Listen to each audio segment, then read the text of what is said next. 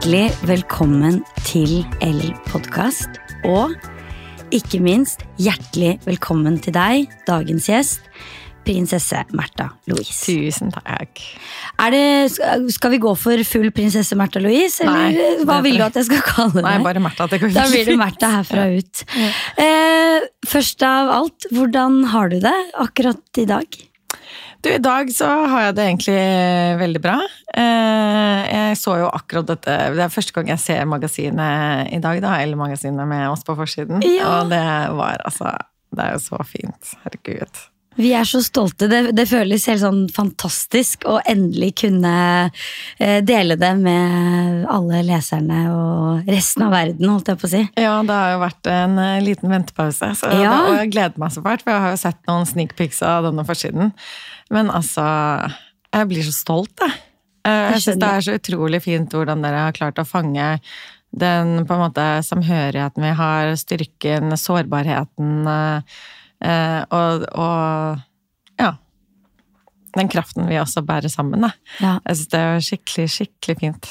Jeg er veldig rørt av det, faktisk. ja enig. Det er et veldig sterkt eh, familieportrett. Det er veldig hyggelig at eh, at du føler at, eh, at fotografen Stefanie Sikkes har klart å fange det. Fordi det var jo Dette her skjedde jo før jul. Dette fotoopptaket og, og, og intervjuet som, Mm. Ja. som jeg var så heldig å få gjøre sammen med dere. Ja. Og det var virkelig Altså Fra eh, det øyeblikket jeg kom opp på eh, Villa Incognito, så var det bare en helt sånn sinnssyk energi i rommet. Og dere er virkelig fire så utrolig eh, vakre og fine mennesker, men også så utrolig sånn sterke, tydelige personligheter.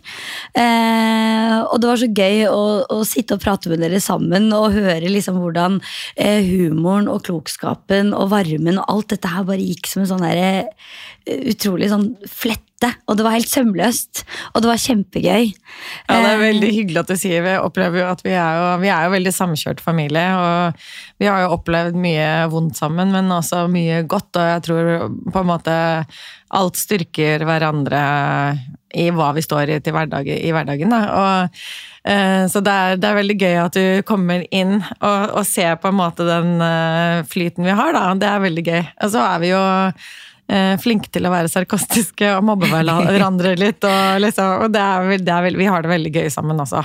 Og så har vi veldig sånn eh, Opplever i hvert fall jeg da, at vi har det veldig sånn eh, høyt under taket. Eh, eh, og at man får lov til å være seg, uansett vi, hvor man er akkurat den dagen, liksom. Så det er eh, Ja, nei, det var veldig fint, og veldig fint å prate med deg, da. Du er jo også veldig imøtekommende og fin person. Så det er jo forskjellig, det òg. Ja, men Det var bare sånn utrolig sånn der leken nysgjerrighet. Og, og det var gøy å sitte og se på sånn eh, Det var, det var helt på slutten da jeg ankom, for da hadde dere holdt på med foto. Ja, da hadde vi holdt på lenge. Holdt på lenge kom. med ja, for det var jo ja. nesten på slutten, Ja. og det var jo mange timer. Ja, Og da, og da, og da, skulle, da skulle, var det et bilde som skulle tas av bare jentene, og da satt liksom du på sidelinjen eh, og fulgte med på, en måte, Ja, på, på på skjermen, skjermen, hvor, dat, hvor bildene kom inn. Eh, og, liksom, og, og, og du og jeg bare så den stoltheten bare lyste fra Ja, deg. Og du liksom kommer inn med kommentarer, og de var sånn 'Mamma, ah, ikke, we got this', liksom. Og det var så utrolig gøy. Så de var veldig sånn herre 'Dette kan vi', liksom. Og de hadde helt forskjellig liksom, tilnærming til Ja, det å være foran et kamera. Ja, ja. Men alle på hver sin veldig sånn tydelig måte. Da. Mm. Så, men hvordan var det? For det er jo første gang, med unntak av selvfølgelig eh, dokumentarserien Märtha, hvor dere på en måte er jo eh, fanget sammen på kamera i ulike situasjoner, men det er jo første gang dere gjør et sånt intervju og et sånn type sånn fotoopptak sammen. Mm. Eh, hvordan var den opplevelsen? Hva slags eh, ting var det dere pratet om i ettertid? Og liksom Nei, altså det var eh, en eh, veldig fin opplevelse, syns jeg. Eh, veldig koselig å ha med jentene på sånn shoot, og at vi alle er sammen. Og som du sier, jeg blir jo veldig stolt av de. Og, liksom, jeg, blir jo, jeg blir jo så entusiastisk, og det er jo veldig lett uansett. Altså sånn, oh my god, Og så så jeg jo hvor fine de bildene ja. bare Dette er jo helt fantastisk! Kom igjen! Ja, det er bare kjempefint! Kom igjen, gjør litt mer! Og alle bare Oh my god, mamma! Slapp av! Litt for entusiastisk til, i deres smak, da. Men uh, ja, så jeg blir veldig entusiastisk da på deres vegne. Ja, for det var jo så gøy også, og jeg må jo si det var jo så mange fine bilder. Ja. Så det må jo ha vært ekstremt vanskelig å finne dette tar vi, liksom, av Ja, ja. hver person. For det var altså For jeg satt og bare, for jeg fikk lov til å trykke på hvilke jeg likte. Og det Ja. var bare sånn trykk, trykk, Ja. trykk. trykk. Det var sånn, nei, nei, dette går ikke. Nå må du slutte å trykke. Liksom. Dette er ingen kvalitativ prosess, dette er en kvantitativ. Liksom. Veldig inhabil. Ja. Alt er fint, det er rart. kjempefint, men ja. de er jo nydelige. Ja, men der var hun egentlig ganske nydelig der òg, liksom. Trykker der òg, der òg, der òg. Ja. Mm. Så, og så, så, så, så, ja. Så alle var trykka på, nesten. Men takk for hjelpen. Altså. Det er jo det er i godt for, oss, ja, det er godt for oss å vite at fall alle bilder er eh, godkjent. Liksom. Det er jo et Ja, utgangspunkt, det var ikke også. absolutt alle. Ikke liksom absolutt alle, men det var nesten. Ja, ja. Dere er eh, Men utrolig eh, vakre. det var et veldig fint team da, som var der, og eh, fotograf, alt. Altså, det var liksom så enkelt å jobbe og bli fin, da, Mm. på de bildene. Så det var veldig gøy. Godt utgangspunkt, vil jeg si. Veldig godt utgangspunkt. Og dette intervjuet er jo en litt sånn jeg, jeg, jeg er jo litt flue på veggen, egentlig, i en samtale mellom dere fire. Som var egentlig verdens enkleste jobb, fordi det trilla jo av seg selv. Ja, det var jo liksom egentlig bare sånn der å lene seg tilbake og, og bare på en måte la er så jeg tenkte jeg bare altså det, Dere er altså så fire så sterke og, og så si sånn Det er rart ord, men det er sånn gjennomførte i den dere er. Eh, at jeg tenkte sånn der, Nå har dere på en måte allerede hatt en, en TV-serie sammen. Jeg tenkte sånn, Dette er altså fire så sterke individer at det er sånn selv i et sånt karakterarbeid, hvis du skulle liksom malt dere opp som fiktive karakterer, så kunne man ikke gjort det bedre. Fordi dere er liksom så Dere er så tydelige, alle fire. Og Ja, én ting er liksom eh, deg, men også disse tre unge jentene dine, Mm. liksom. Jeg syns det er helt sånn jeg, jeg ble veldig sånn imponert og, og, um og rørt av, av, av den tryggheten de hadde da. Da Mm. blir man sånn wow. Og, og unge jenter som man også kan være liksom bekymra for i den tiden vi lever i. Så ble jeg sånn ok, de her,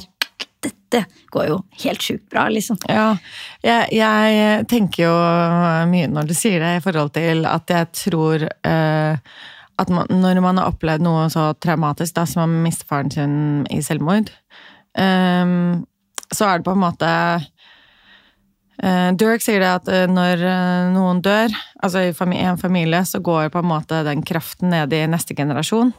Og det opplever jeg så innmari med barna, da, at hvor tydelige på en måte de har tatt over den kraften da, med maling og kreativitet og kunst, da. Eh, som de alle bærer veldig med seg, egentlig.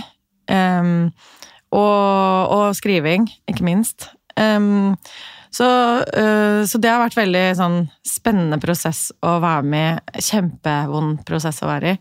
Uh, Men jeg opplever jo også at gjennom den sorgen og de grusomme årene som fulgte etter hans død, så um, så, så har på en måte også en sånn kraft vokst fram i hver og en, da. Eh, Så er det noe med at når du opplever så kjipe ting som selvmord, for det, det er jo det verste som kan skje, på en måte, eh, så er det liksom sånn, ja, men hva kan være verre enn dette? Da får man også en sånn eh, I hvert fall opplever jeg selv da, en sånn eh, Ja, nå har det verste, skjedd, ok, det taklet vi. Da kan vi jo stå i hva som helst, så da trenger vi jo ikke være så redde lenger. Mm. så sånn sett har det jo gitt oss en trygghet videre, da. Eh, sammen. For vi vet at vi kan takle det, og da kan vi takle hva som helst, på en måte. Uh, for, det, for vi har klart å takle det verste. Og det tror jeg er en sånn derre uh, trygghet i oss som familie også, da. Eller sånn en ro, da, at vi vet at vi We've got each other's back, liksom. Vi har hverandre. Eh, vi holder hverandre. Vi kan være der for hverandre gjennom de verste av det verste. Så det tror jeg er en sånn trygghet innad i familien, at vi, at vi er der for hverandre. Og det er jo eh, i, altså, i, i den eh, Altså mennesket som flokkdyr, da, så tenker jeg jo Det er jo på en måte det sånn elementære i oss, det der behovet for flokken, og det å kjenne at du er holdt og du er ivaretatt og, og uansett hva som skjer. Og herregud, verden er kjempeskummel, liksom. Det, det, det er masse vi, vi har ikke noe kontroll, rett og slett. Eh, så, så det eneste vi kan gjøre, er jo liksom å finne et trygt sted å være, og noen å være sammen med. Og da Ja.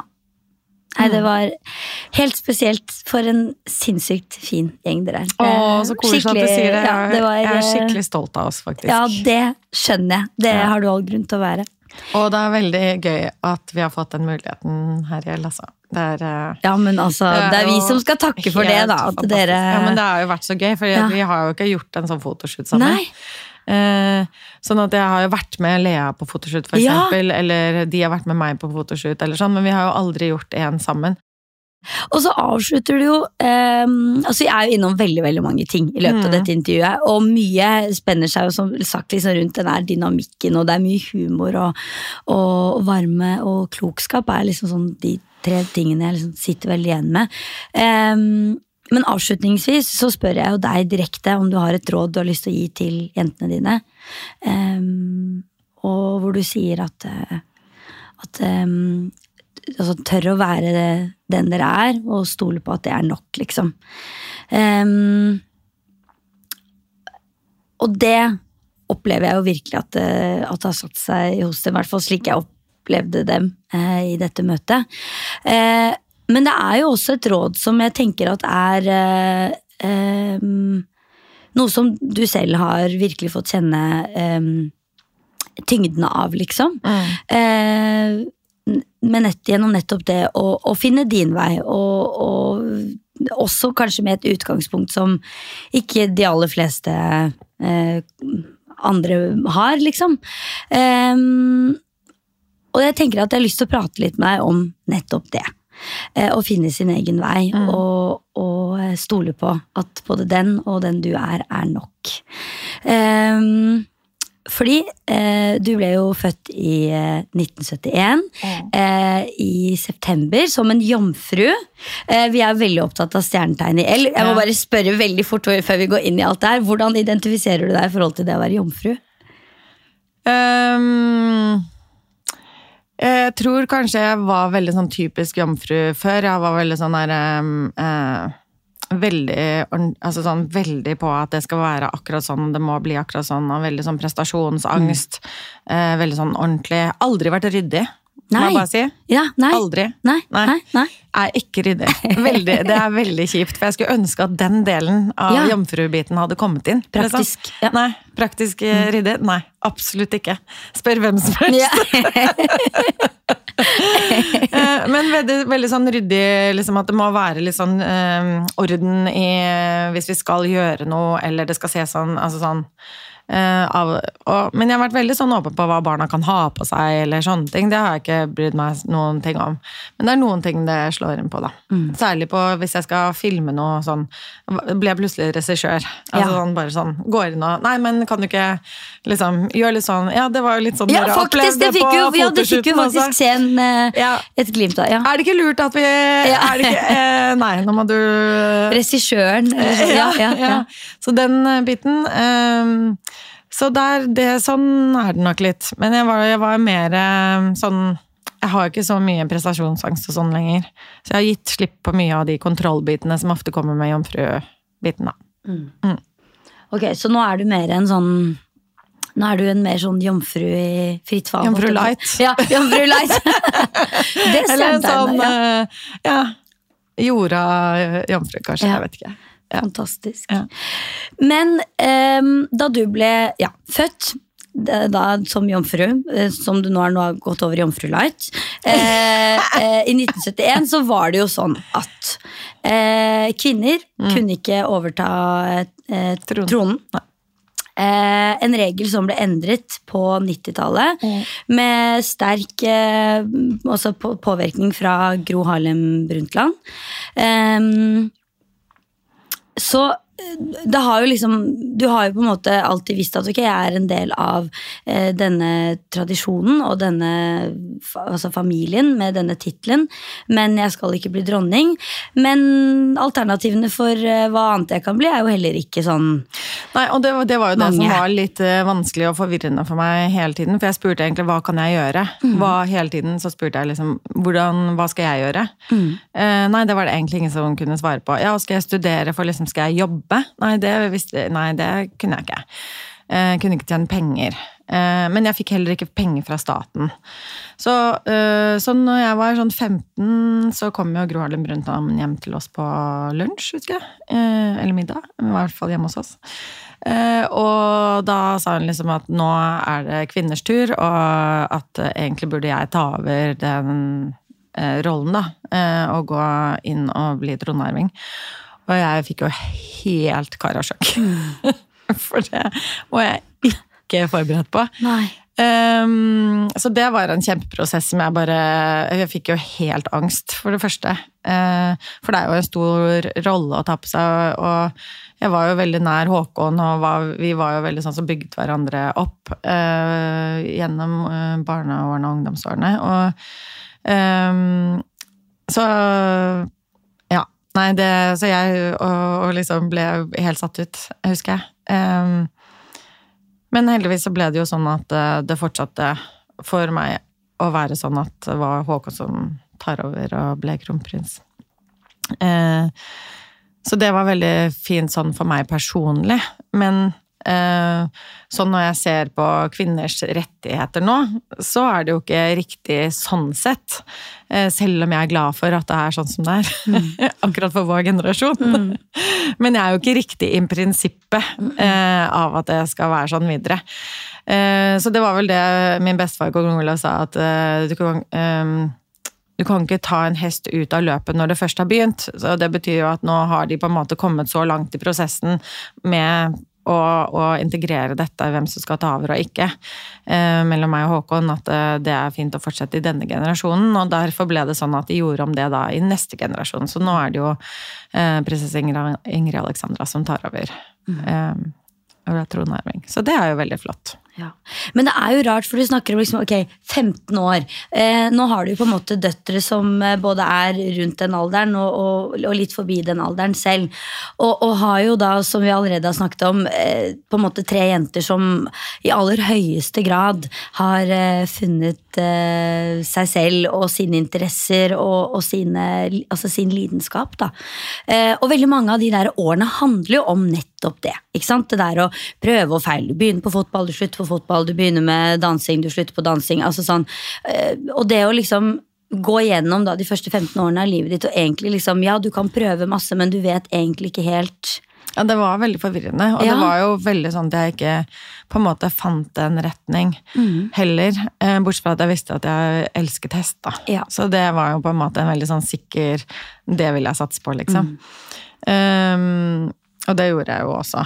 Absolutt. Så på en måte så fikk jeg jo også noen år der hvor jeg på en måte fikk lov til å finne ut av hvem jeg var også. Um, og det overrasket meg jo litt uh, hvem jeg ble, på en måte, selv.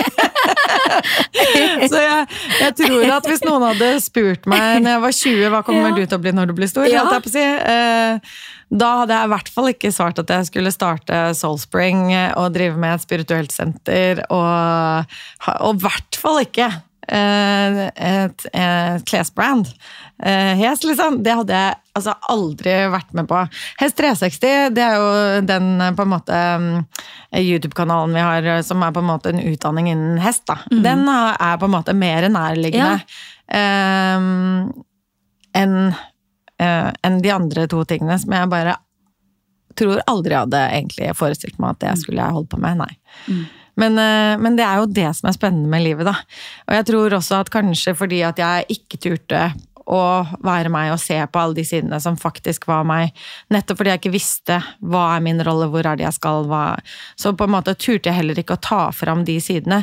Så når jeg først landet i hvem jeg var, så på en måte ble også den veien helt totalt annerledes enn det å leve opp til noen forventninger som jeg på en måte ikke egentlig skulle uansett, liksom. Altså, det var sånn Og det tror jeg er veldig med, med mennesker i dag også, at vi det er jo veldig sånn fokus på at å, du må velge riktig utdanning, å, du må gjøre sånn, å, du må liksom gjøre sånn og sånn og sånn og sånn. og sånn og sånn. Men det viktigste vi gjør, er jo egentlig å finne hvem er jeg? Hva er mine kvaliteter? Hvor er det jeg føler meg trygg? Hva er det som gjør at min dag blir bra? Hvor, hvor ligger min passion? Fordi at en jobb også handler om å være mange timer i løpet av en dag et sted. Så det å finne en jobb som gir deg noe som gir deg passion, som gjør at du eh, blir inspirert, glad, eh, gir deg energi, det er jo kjempeviktig. Og hvis ikke du finner ut hva det er, men bare går på autopilot på det andre sier, og på man lever opp til forventningene av andre, hva andre vil at du skal være, så ender du opp et sted hvor de vil at du skal være. Og da kan det være at det gjør deg ekstremt ekstremt drained. Altså at du mister energi, eh, føler deg mislykket, eh, blir eh, Ja, rett og slett at du kan bli deprimert av det fordi at du aldri gjør noe som egentlig er for deg. Du gjør det bare for å please andre.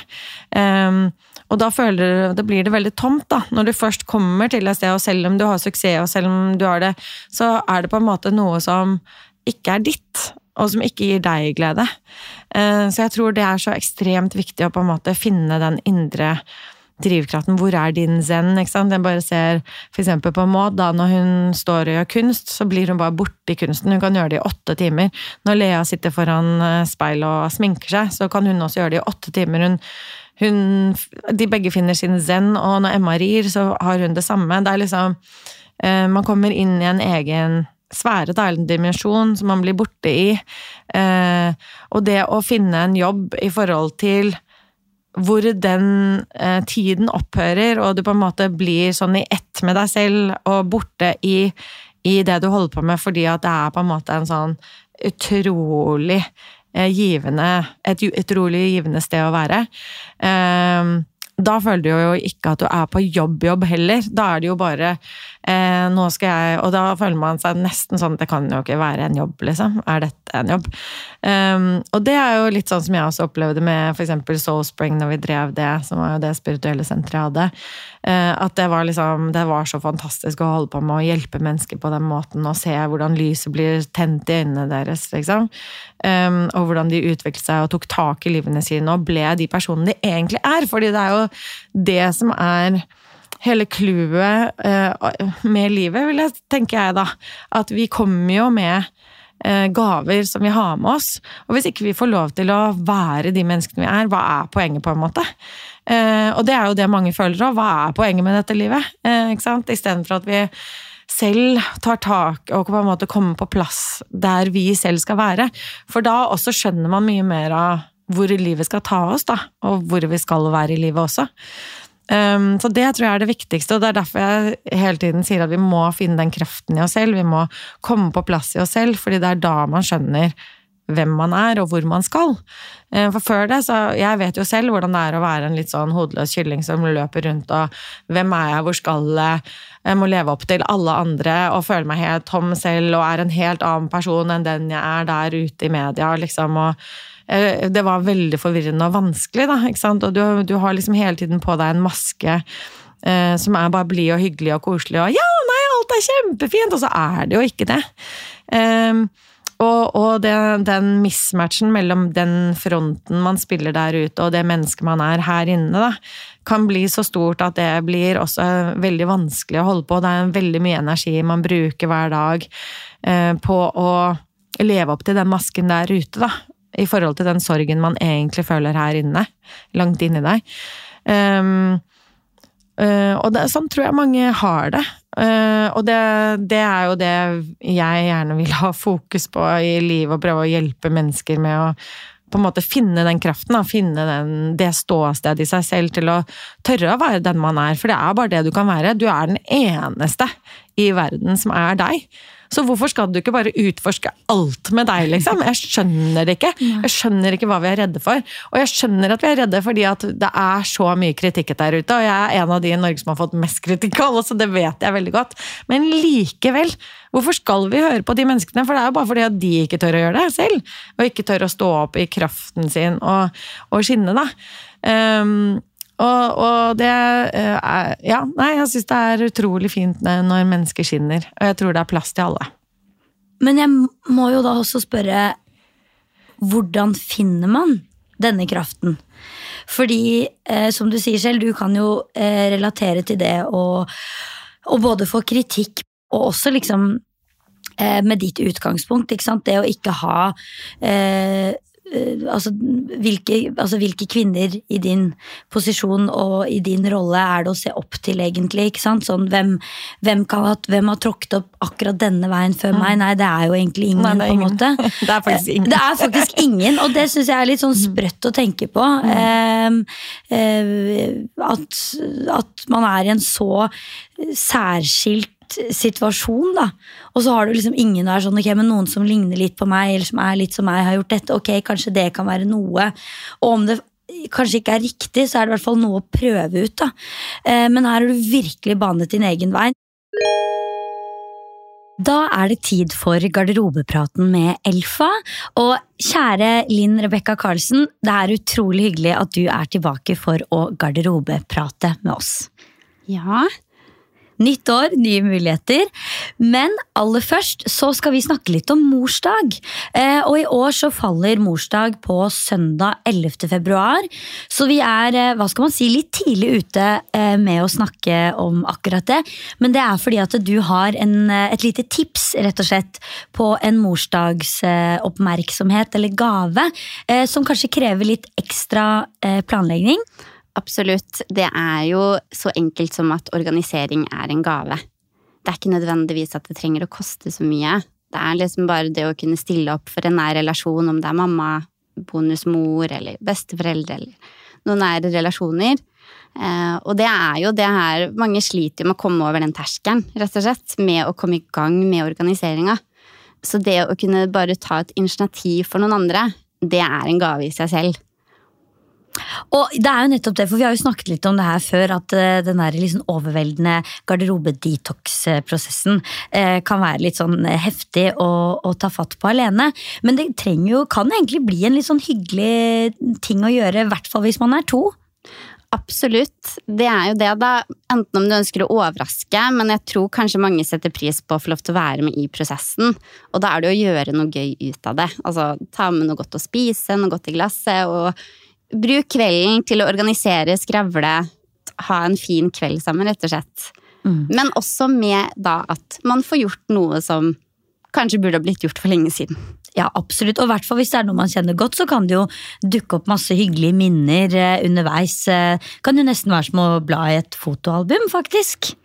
Absolutt. Eller hvis du vil andre veien, at du vil overraske oss, så er det jo kanskje liksom ikke organiseringen i seg selv, men det, det kan være også det her med å, å oppgradere garderoben litt. Altså bytte ut knotter på garderoben, få, gi den et lite løft. Da. Det også er jo noe som kanskje kan sette i gang prosessen om at man vil begynne å organisere òg. Så det finnes jo ulike måter å gi den gaven her på, da. Jeg syns det er et veldig godt tips, og som du sier, organisering er en gave. Jeg visste jo litt hvor jeg skulle, Ja. eh, men, det var jo, men det var jo veldig eh, Det var jo ingen som hadde gjort akkurat det før. Det var Nei, ingen som hadde begynt å jobbe og få penger. Fordi at jeg fikk jo, hva var det jeg fikk da? 160 000 i året. eh, for å gjøre offisielt på arbeid, Mm. og det kan jeg jo ikke leve av. Eh, så og da var jo det Oi, hva gjør vi nå? Ja, Eh, Så det, jeg, jeg kjemper ganske hardt for å få lov til å jobbe. Ja. For å, for å overleve. Og jeg hadde ikke lyst til å gifte meg med en rik mann. Fordi jeg er Altså, jeg vil jo gjerne være en representant for kvinner, frie kvinner som er individuelle og eh, som er sterke individer og vil opp og fram, liksom. Eh, og det, jeg håper det kan inspirere andre til å tørre det også. Um, eh, så da begynte jeg å jobbe jo da først i NRK eh, med fortellinger. Eventyrprinsessen, jeg husker det veldig godt. Ja. Eh, og, så, og så begynte jeg jo med Soul Spring og være på turné med, med de forestillingene og eventyrene. Og så Soul Spring, og så har det jo Hest 360 kommet, og nå Hest. Um, og så er det jo mange andre ting. Så jeg har jo snakket mye om kvinners rettigheter rundt omkring i verden, faktisk. Eh, også i ulike sammenhenger. Um, så det har vært veldig fint. Eh, jeg har fått en pris for det i, um, FN, faktisk, også. Men, eh, så det har vært veldig gøy å være med på den eh, prosessen, da. Men eh, det har vært ja, en utfordrende prosess også, og det Ja. tror jeg mange kvinner kan kjenne seg igjen i, selv om det ikke er på samme skala alltid, da. Men at man liksom er um, eh, at man får motstand når man gjør nye ting. Og vi kvinner får jo enda mer motstand enn det mennene gjør, selv om de også kan føle på den motstanden og at de heller ikke blir hørt og alt mulig sånn, men for kvinner er det jo et hakk eller ti verre enn menn. Mm. Um, og også sant, at vi ikke får lik lønn, alle de tingene. Og det er jo fremdeles i 2024 sånn. Og det er jo hårreisende i landet Norge, liksom, at det er sånn. Um, og det er veldig trist, og vi må bare fortsette å stå opp og kjempe. Og der må jeg si at min mor uh, har vært en fantastisk inspirasjon hele livet, egentlig. Til alltid å dra inn kvinner på slottet, når hun kom inn på Slottet, så var det jo ikke kvinner. Det var jo, militær, altså det var jo mennesker fra militæret, menn fra militæret, som var egentlig i alle stillinger. Og, så hun kom jo inn på annet vei. Det hadde ikke vært en kvinne på Slottet på veldig mange år eh, etter kronprinsesse Märtha.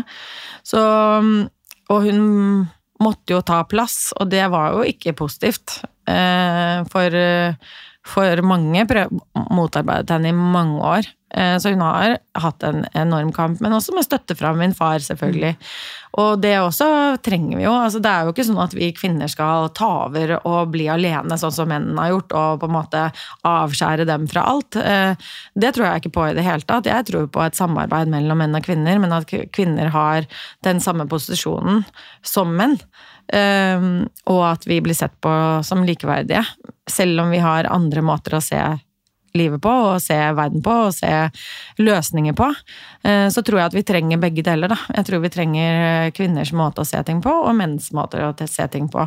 Og jeg tror at hele clouet her er at vi sammen skal finne ut av det. Ikke at det er menn som styrer, eh, og at kvinner ikke har noen say. Eh, men at vi sammen skal lytte til hverandre og finne en løsning. Det tror jeg veldig på. Mm.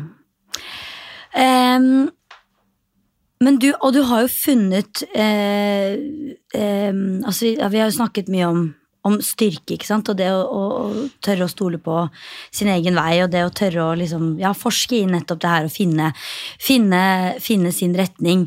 Eh, og noe som har vært eh, eh, tydelig i din retning, er jo det spirituelle. Eh, og jeg må jo liksom spørre litt sånn uh, fordi sikkert For deg å være spirituell er jo sikkert like selvfølgelig som å være Märtha, liksom. Mm. Uh, det ene eksisterer ikke uten det andre. Men har du noe sånn derre minne av liksom første gangen du kjente på en eller annen sånn altså en eller annen energi eller noe som du var sånn Oi, det her har jeg ikke hørt noen snakke om før, eller det her skjønner jeg er noe annet. Altså ditt første altså, si, opplevelse av din egen spiritualitet, da, for å kalle det altså, ja. Det er litt det samme som å si når oppdaget du at du hadde en fin sangstemme, eller eh, liksom ja. sånn, ikke sant. Eh, er, eller når oppdaget du at du hadde, kunne løpe fort, ikke sant. Det, er, det var jo litt sånn, Jeg trodde jo at alle hadde det sånn som meg. Mm. At de så lys rundt folk, eller farger rundt folk, eller at de eh, så, kjente hvordan folk hadde det når de møtte dem, eller eh, ja, at de visste ting om dem uten at de, de hadde fortalt det. Jeg trodde alle hadde på en måte og det skjønte jeg jo da jeg begynte på skolen, faktisk, først. At det var det jo ikke. Eh, jeg hadde jo oppdaget allerede at, jeg, at folk eh, lyver veldig fort. Altså Når vi sier 'hei, hvordan går det?', så sier folk 'ja, er det kjempefint'. Mm. Eh, og så opplevde jo jeg at nei, det mennesket har det ikke kjempefint. Det er lei seg, eller det er bittert, eller et eller annet sånt. Og så ble jeg veldig forvirra. Mm. Og hvorfor ikke folk liksom sier at 'nei, du, i dag går det ikke sånn helt topp', men det behøver vi ikke å prate om nå, liksom. Eller sånn. Altså, vi er liksom ikke ærlige helt fra 'hei', så er vi ikke ærlige, liksom. Så jeg ble veldig sånn skeptisk til mennesker en god periode. Og kanskje derfor også det jeg på en måte flyktet litt til hestene, for de er så ekte. Og du har liksom en jeg savnet så veldig den ordløse kommunikasjonen, eller den hjertekommunikasjonen som på en måte er helt direkte og ærlig, da. Og sann. Um, og når jeg red eller var rundt hester, så var det på en måte en uh, Den kommunikasjonen gjennom uh, tøyler og sits og um, Den kommunikasjonen du har med hesten fra hjerte til hjerte, da, den var så direkte uh, og fin at, at det var noe jeg liksom savnet med mennesker. Men jeg fikk på en måte utløp for det hos hestene, da. Og jeg syns jo ofte at vi bruker mye ord som fyllstoff, og som drar oss egentlig bort fra det møtet vi egentlig trenger og har lyst på.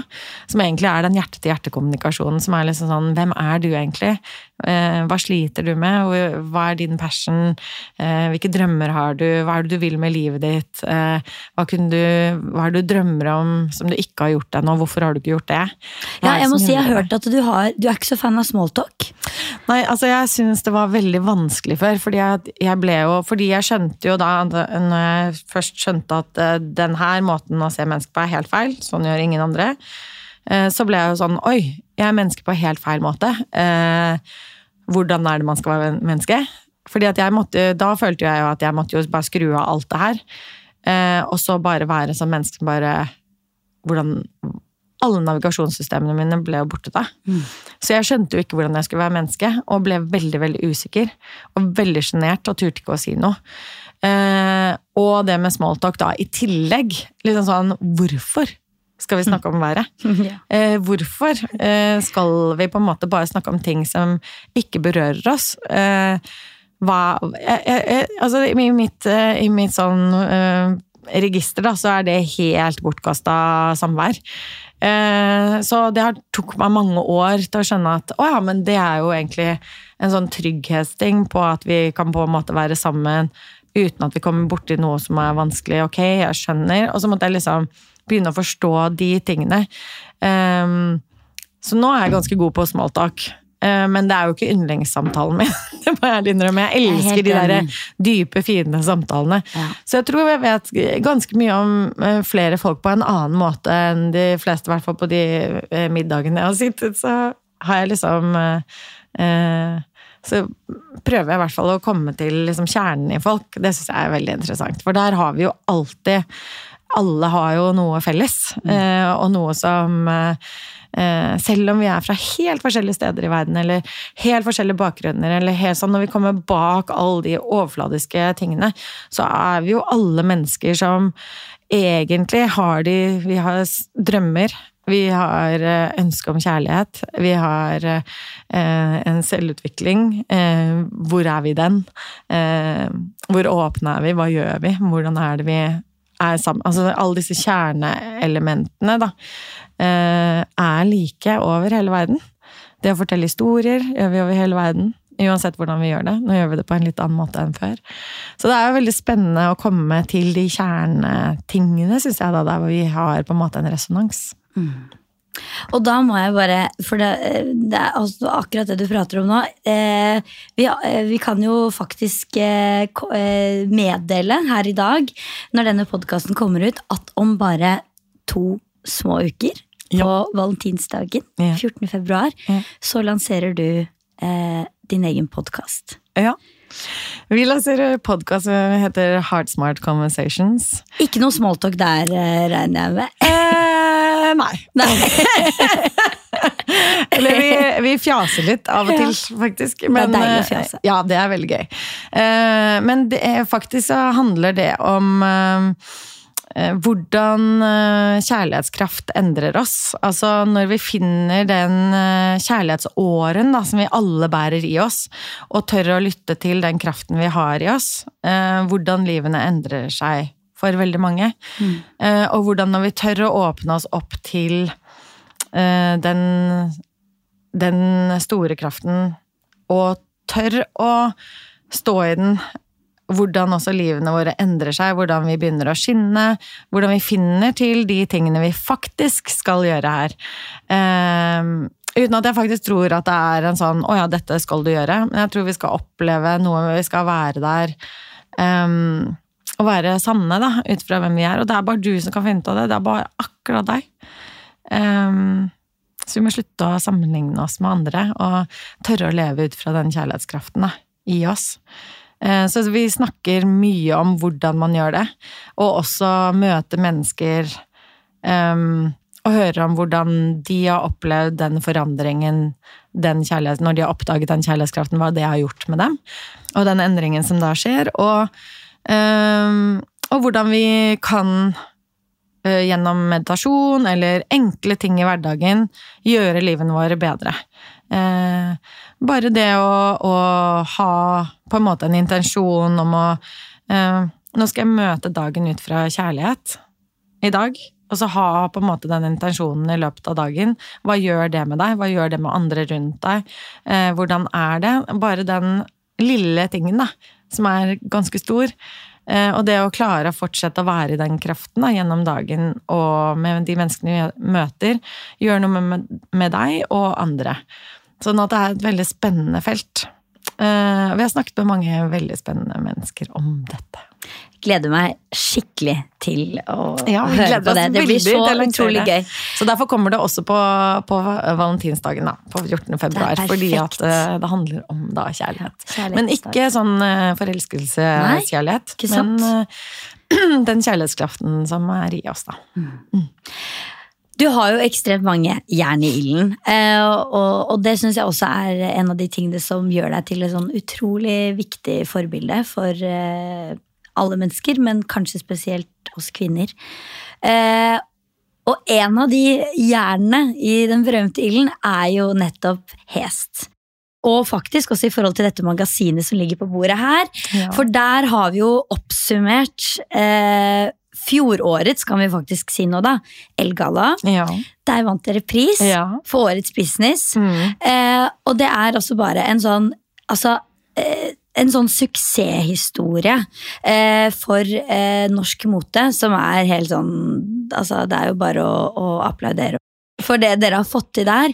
Eh, og som du sier, dette er jo en ting du aldri hadde sett for deg at du skulle holde på med. Og så gjør du det, og så blir det bare så suksess. Det er jo helt altså, fantastisk. Ja, det, er, og, altså, det, er, det var jo helt fantastisk å vinne den eh, Business of the Year. Det var helt eh, sykt. Det var kjempegøy. Velfortjent, da. Virkelig. Ja, gratulerer. Ja, tusen takk. Det var eh, stort for oss alle i Hest. Eh, og hele teamet er altså helt fantastiske. Og gjør så ekstremt mye. Og vi er en sånn positiv gjeng. Eh, begynte jo bare med kvinner, så det er jo en kvinnedrevet bedrift, og det elsker jeg i utgangspunktet. Eh, det er minoritet av menn. Veldig gøy. Ja. Eh, vi fikk vår første mann i fjor. Ikke sant? så, så det, det, var, det, var, veldig gøy, og vi har jo hatt en enorm suksess, og det er jo takket være alle som liker klærne våre og genserne våre, og nå kommer det jo, nå utvider jo litt stylesene og kommer med mange nye ting. Um, så det er veldig spennende å, å, være med på også, at vi vokser hele tiden. Men jeg elsker jo gründerlivet. Mm. Uh, men hele uh, prosessen Altså, Hes starter jo egentlig ut fra en tragedie. Uh, hvor min beste venn Espen Johannessen døde veldig plutselig av kreft. Bukspyttkjertelkreft. Um, og det var veldig tungt uh, for hans kone, uh, Anne Kari Behagen. Og hun satt jo igjen da, med gård og grunn og barn og hester og hunder, og visste ikke hva hun skulle gjøre, for Espen og hun hadde drevet businessen sammen. Han var en av Norges beste hestetrenere uh, innen sprangridning, og um, hadde De to hadde businessen sammen, så hun var på en måte backoffice for han gjorde regnskap og sånn, og var med rundt egentlig overalt. Så, de, så når han døde, så sluttet jo all inntekt for henne. For hun var ikke og hun kunne ikke fortsette det. Og hun var jo selvfølgelig i sjokk og i kjempesorg og alt dette her. Eh, så jeg var veldig mye sammen med Anne Kari for å hjelpe henne gjennom den tiden. Dette var et halvt år før Ari døde. Så det var i 2019, da. Og um, så jeg var jo da mye med de, og så kom Monica, eller med henne, og så kom Monica Sundtutne, da. Um, og liksom sa men Anne Kari, hva vil du egentlig? Nei, det visste hun ikke hva hun ville gjøre. Hun kunne ikke tenke seg å gå tilbake til liksom 9 til 4-jobb i parfymeri der hun hadde jobbet før. Og så sa Monica ja, men jeg har jo en, et ønske, da, uh, om å lage uh, klær. Jeg har liksom hele kolleksjonen i hodet. Uh, og så Anne Kari ja ja, men eh, jeg kjenner noen som har noen kontakter som vi kan bruke til å lage noe klær, hvis du har lyst til det. Og så gikk de to ned til denne kontakten og, eh, gjorde det. Og så når de kom ut på trappen derfra, Så sa Monica 'når begynner vi', da? og så Anne Kari 'vi'? Eh, ja, vi. Bare, og, hun, og Anne Kari 'men jeg skal ikke være med'. Jo, det skal du. Og så begynte de to, da. Eh, og fordi da de tok da Espen sitt organisasjonsnummer fra eh, hesteverden, eh, hans trenerbusiness, og så tok han de det organisasjonsnummeret og gjorde om det. Og så ville de gjerne ære hans ettermæle, da. Så de Derfor ville de, så sa Monica vi kan kalle det hest. Og så Anne Kari nei, vi kan ikke kalle det hest, det blir kleint i forhold til hele hesteverdenen. liksom. Ja, men det heter jo tiger og puma og ikke sant? Altså, sånne ting. faktisk. Ja. Ehm, og så sa jeg nei, vi må gjøre noe annet. Så sa Monica ja, men da tar vi hes, da. Sleng på en apostrof. Det, er, apostrof det er jo veldig fasjonabelt. Da, veldig hvis vi ser på andre men først internasjonale så satte de da denne apostrofen feil vei. Ah. Så da ble, så kom jeg og så sa jeg, men dette står, her står det jo hast. Ja. Vil dere hete hast? Og de bare 'hæ?' Jeg bare 'ja, denne apostrofen uttales er liksom Det er hast'. Eh, oh ja, ja. Så da må vi gjøre om den. Og den Ja. ble først gjort om i Brønnøysundregisteret i fjor. ja, ikke sant? Så, nå, så da gikk det fra hast til hest. Ja, Og ja. hest høres jo litt Ja, bedre det ut enn hast. ja, det er litt sensibelt, ja. Så det er veldig gøy, da. Eh, De kaller det fremdeles tøddel, da, og ikke aksent. Men det heter altså aksent. Men så begynte disse to, og så var jo jeg, fordi at jeg da var med så veldig i prosessen til Anne Kari, så var jeg der veldig mye. Og da når Ari døde, da et halvt år etter, eh, så ble jeg på en måte Hest et sånn fristed både for Anne Kari og meg. Eh, eh, Og da var det jo Det var jo um, det kom jo covid akkurat når den første kleskolleksjonen landet Ja, i. Norge. kom covid, Så det var jo kjempebra timing. ja, fantastisk. Eh, men allikevel så klarte disse damene å få det inn i butikker, lokalbutikken, og vi reiste litt også når man kunne det, by the way. Eh, så de begynte jo med det. Eh, og det var jo sånn, de var- syntes jo de var helt gærne når de bestilte 60 plagg av Ja. én style, liksom. Ja, lite visste de. Ja. Og, og så fikk de etter hvert et eh, kontor eh, som var 20 kvadratmeter, eh, og opp en vindeltrapp. Veldig praktisk når man skal ha masse kasser og klær og Eh, sånn opp og ned. Hadde lager hos foreldre, besteforeldre, altså eh, Veldig gøy. Eh, så alle var på en måte involvert. Alle barn ja, liksom ble dratt inn i dette her. Alle kunne, som kunne bli brukt, ble brukt, på en måte. Så det var en veldig sånn familiebedrift. og Eh, og et kjempestartup, liksom. Sånn, ingen egentlig kunne hva vi gjorde. Er ikke det det som er litt gøy? Og så tenker jeg litt sånn når dere da på en måte altså sånn da, eh, Og spesielt to av dere er i en sånn utrolig sånn eh, Krise. krise. Og en sånn situasjon hvor man egentlig ikke Det er jo ikke noe hvordan navigere nå, liksom. Så kanskje er det akkurat da man skal kaste seg inn i et prosjekt eh, man aldri hadde trodd, liksom. Ja, og det var jo eh, Det er litt sånn når man opplever det verste som kan skje, så er det også sånn nå kan det ikke bli noe verre. Nei. Eh, så Monica sa også liksom herregud. Eh, dette er jo helt galskap. Hvis det går feil nå, så ryker liksom Hadde mannen til Monica sagt liksom, så ryker jo liksom gård og grunn og alt, liksom. Du vet det, Monica. Dette kan ikke gå feil. Så Monica bare nei, dette kan ikke gå feil. Det må gå bra, liksom. Ja, men det er bra, det. Og, og, og alle vi er litt sånn Pippi-damer. Altså, vi er litt sånn, ja, det har vi aldri gjort før, så det kan vi helt sikkert. Og så, og så gikk jo jeg inn etter hvert, jeg også, i det, for jeg var jo så mye sammen med de. Så de bare Men Märtha, du må jo bare gå inn der. Så vi hadde snakket med henne så vidt før, og så jeg bare Nei, det har jeg ikke tid til. Det har jeg ikke sjans til. Og jeg hadde ikke overskudd til det pga. at Ari var død, og det, er, det var veldig, veldig mye, og det var covid. og så det hadde jeg ikke sjans til, mente jeg. Eh, og så var vi på en samling um, uh, i, på et ridearrangement sammen. Uh, og der var Durek også, og så sa Anne Kari bare Ja, kan ikke du se hvordan det går med klesmerket vårt, Durek, for han ser jo ting og sånn, så han kan ta inn litt ting. Eh, så, og så så han sånn ut i Praktisk. luften. Ja, og så sa han sånn Ja, det kommer til å gå veldig bra. Dere kommer ut i verden. eh, tror det kommer til å gå bedre enn dere, det dere forestiller dere, sa han.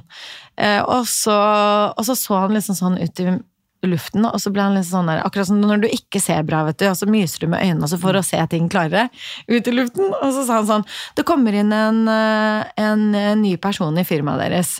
En dame. Og så myste han sånn som å se hvem det var bedre, liksom. Og så blir han sånn helt overrasket i ansiktet. Og så snur han seg til meg og så bare 'Det er deg!' Du skal inn i firmaet!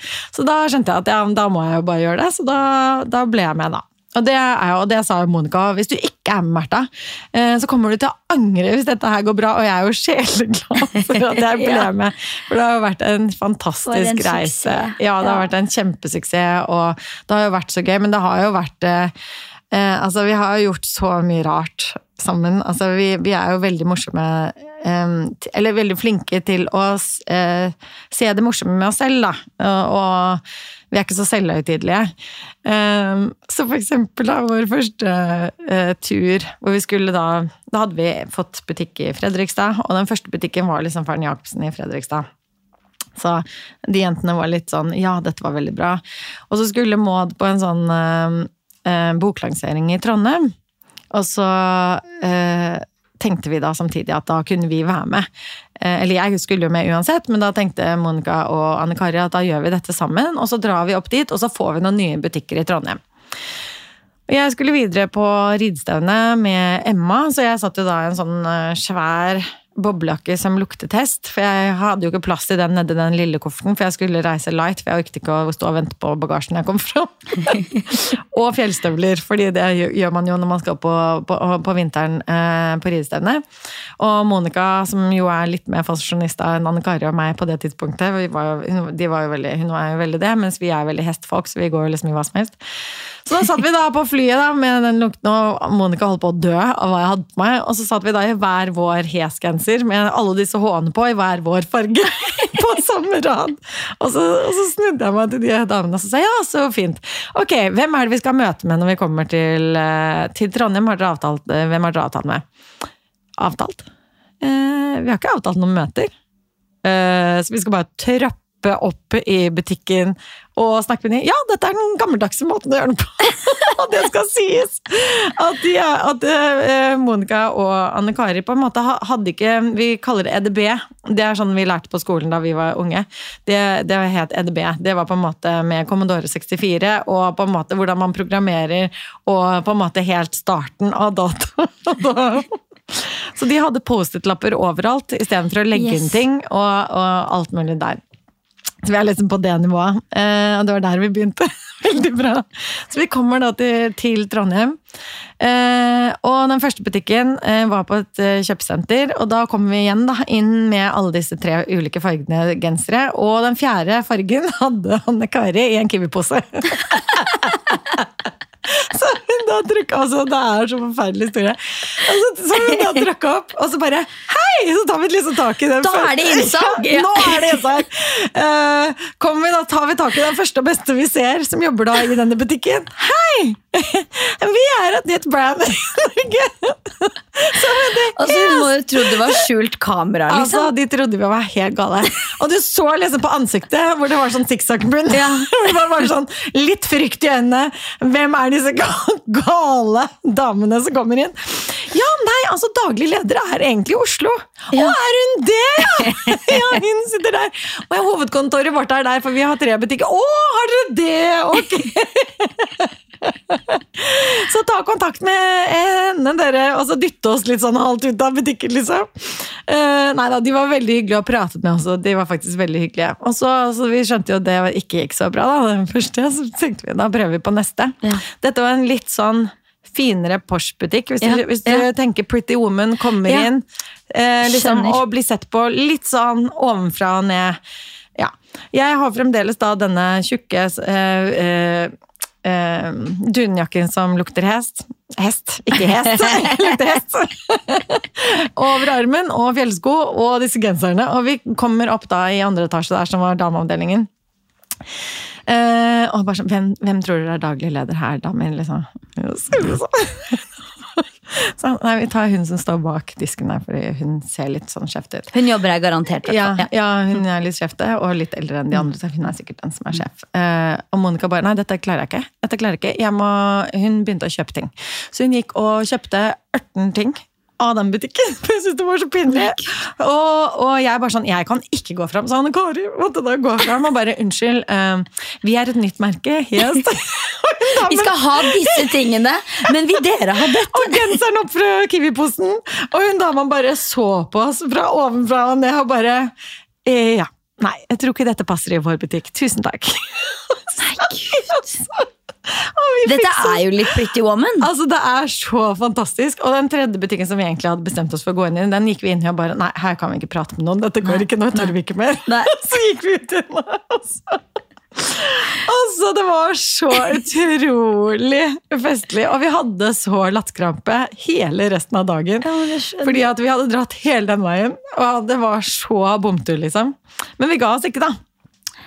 Og godt var det. Ja, så plutselig så var det jo da en butikk som tok det, og så spredde det seg. Og det har skjønt etter å jobbe i dette, er jo at det er faktisk veldig sånn hygge mellom butikker i Norge. Og det var helt nytt for meg. Jeg trodde det var litt sånn Pretty Woman, at det var litt sånn herregud, hvem er du, ikke ta min klient, eller, eller sånn. Men, eller min kunde. Men, men sånn er det jo ikke. Det er jo liksom sånn å, dette er en kul, øh, et kult merke. Eh, Vi har begynt å selge kjempebra. Og så ringer de rundt til andre butikker de kjenner, for de vil gjerne at de også skal gjøre det bra, liksom. Så sånn ble jo vi spredd rundt i Norge av fantastiske mennesker som eh, hjelper et norsk merke opp og fram. Og det eh, var faktisk eh, litt sånn overraskende og utrolig fint å oppdage. Og det er jo så mye fine folk i klesbransjen. Altså Vi har møtt så mange fine mennesker som heier på hverandre. Mange sterke, flotte kvinner og menn. Eh, Som jobber altså, så hardt gjennom harde, tøffe tider som vi jo begynte i. Um, og som står på og tør og tenker nytt og kaster seg rundt. Og, eh, ikke sant? For gjennom covid så måtte jo alle eh, butikker på en måte kaste seg på nett ikke sant? og få salg der. Og alle har på en måte gått gjennom en kjempetransformasjon i hvordan de selger, hva de gjør, hva som er viktig i butikk, eh, nettsalg. altså Alle disse tingene har jo kommet bare de siste årene. Så det er jo så utrolig gøy å komme inn i et marked som er så på en måte eh, nytt og innovativt, da. Um, så jeg ble skikkelig imponert over så mange folk, og selvfølgelig også er det jo så hyggelig at så mange elsker klærne våre. Det er jo kjempehyggelig. Så jeg blir jo stolt, så jeg sier alltid når jeg ser en person som går i hes, så sier jeg alltid 'å, fin genser', eller 'fin jakke', eller 'fin skjorte', eller Ja, men det er så altså, ja. Nei, virkelig gratulerer. Det er en, eh, en makeløs uh, suksesshistorie. Ja, tusen takk. Eh, du snakker jo litt om at dere skal eh, Nå skal vi runde av, for du må løpe videre. Du skal på innspilling, egen podkast. Ja. Eh, men du har jo snakket litt om at dere ser litt på Det har jo startet med disse genserne, som vi omtalte som en potensiell ny nasjonalstrikk. Ja, det var Eh, veldig koselig at dere gjorde. det men nå utvider dere jo kolleksjonen, dere jobber med nye Mm, ting. Og jeg må jo bare spørre, er det på planen å lage en eh, brudekjole? Brudekjole. Eh, nei, det, det fikk vi jo spørsmål om faktisk på Elgallaen også, når Ja. vi gikk inn der. Eh, og da sa Monica nei, det tør jeg ikke. Nei. For hun er jo creative director i Hest. eh, så det tror jeg ikke det blir. Men det blir kanskje noe annet eh, rundt der, på en eller annen måte. Har du brudekjolen klar? Det er jo 31. august. Står bryllupet i Geiranger? Absolutt ikke Nei. klar. Men jeg vet hvordan den skal være. Ja, Det vet jeg. Så jeg har den inni hodet. fantastisk. Ja, men det er en veldig god start, da. Veldig god Ja. start. Det er jo ofte sånn ideer starter. Kommer som en drøm, kommer inn i hodet, eh, kommer ut til noe fysisk. Så vi får se hvordan den blir. Det blir spennende. Den blir i hvert fall Sånn som jeg ser den, veldig fin. Men Ja. jeg vet ikke En drøm av en kjole. Det blir en drøm av en kjole. Jeg håper jo at eh, den blir fin, da. Selvfølgelig. Når den blir fysisk også. blir. Kjenner du på spenningen og liksom nervene rundt eh, det Eh, Jeg gleder meg altså så innmari. Det blir så fint. Vi skal jo være eh, i Geiranger, og det er jo verdens vakreste sted på jord. Um, og så blir det jo Indian summer, og det er veldig gøy. Det blir det. Altså Langt unna det snøkaoset Ja, vi eh, ja, ja. befinner oss i nå. Så det blir bare fint vær og strålende, og det er jeg så glad for. Ja, Det er så deilig at det blir det. Ja. det Værvarselet er liksom Ja, good er for et halvt år frem i Ja, tid. ja. Ja. Det gleder jeg meg skikkelig til. Så nei da, det blir en eh, kjempeopplevelse, og jeg, jeg, jeg, ja, som sagt, jeg gleder meg så innmari. Ønsker deg bare, dere og deg, eh, bare solskinn og kjærlighet. Tusen takk. kommer. Ja. Og tusen hjertelig takk for at du ville komme hit og prate enda litt mer med meg. Tusen takk. Det var så koselig å være her, og gratulerer med fantastisk eh, elmagasin. Gratulerer selv. Moderne